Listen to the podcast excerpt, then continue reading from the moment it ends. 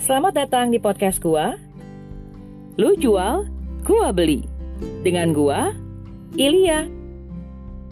Sebelum gua lanjut, gua mau ngucapin terima kasih dulu buat elu yang masih dengerin podcast gua dan elu yang udah kirim kritik atau saran via email ke ilya.dewi@gmail.com. Sesuai dengan tema yang udah ditentuin, untuk episode khusus hashtag pejuang kebaikan, gua akan mengangkat kisah inspirasi tentang anak seorang tukang beca yang menjadi dosen. Pada tahun 2014 lalu, sebuah foto seorang wisudawati diantar oleh tukang beca mendadak viral di media sosial. Wisudawati tersebut bernama Reini dan tukang becak yang mengantar itu adalah Mugiono ayahnya.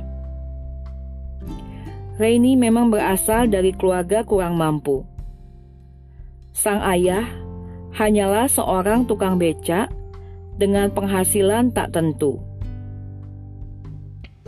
Sebagai tambahan untuk mencukupi biaya hidup, ayahnya juga bekerja sebagai penjaga sekolah dengan gaji hanya 450 ribu per bulan.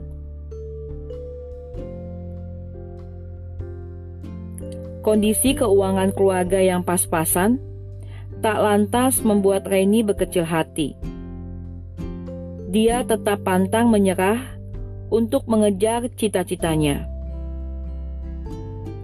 Wanita yang cerdas ini ingin sekali mengubah nasib keluarganya menjadi lebih baik.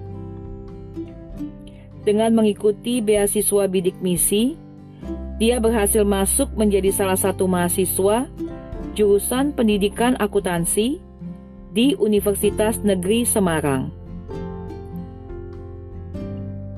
Tidak mau menyia-nyiakan kesempatan yang telah diberikan, Raini pun giat belajar dan tetap berprestasi. Bahkan, dia pernah mendapatkan indeks prestasi sempurna. Prestasi yang gemilang itu dipertahankannya hingga lulus. Saat kelulusan, pada tanggal 10 Juni 2014, dia berhasil menjadi wisudawati terbaik dengan IPK mendekati sempurna, yaitu 3,96. Tentu saja prestasi tersebut membuat orang tuanya begitu bersyukur dan bangga dengan anak bungsunya itu.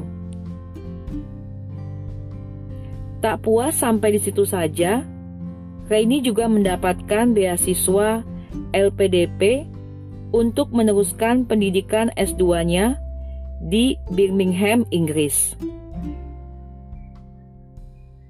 Setelah lulus pendidikan magister, dia pun diangkat menjadi tenaga pengajar di alma maternya. Dari kisah inspiratif dan motivatif kehidupan nyata Reini, kita dapat belajar bahwa selain berkeinginan kuat dan tidak mudah putus asa, Reini memiliki rahasia sukses yang lain, yaitu mempunyai manajemen waktu yang baik. Di saat berkuliah, dia tidak hanya rajin untuk belajar, tapi juga aktif berorganisasi dan membantu orang tuanya. Hendaklah keterbatasan apa pun tidak membuat kita berkecil hati. Harus selalu ingat bahwa di mana ada kemauan, pasti akan ada jalan yang dibukakan untuk kita. Kuncinya, jangan mudah menyerah, karena kita tidak tahu seberapa dekat kita dengan kesuksesan saat memutuskan berhenti di tengah jalan. Tetaplah yakin, segala hal mungkin, meskipun tidak mudah dan tantangan selalu ada. Semoga kisah ini menjadi inspirasi buat elu dan pastinya juga buat gue. Tetap semangat ya. Oke deh, segitu dulu episode kali ini. Semoga bermanfaat. Lu jual, gua beli.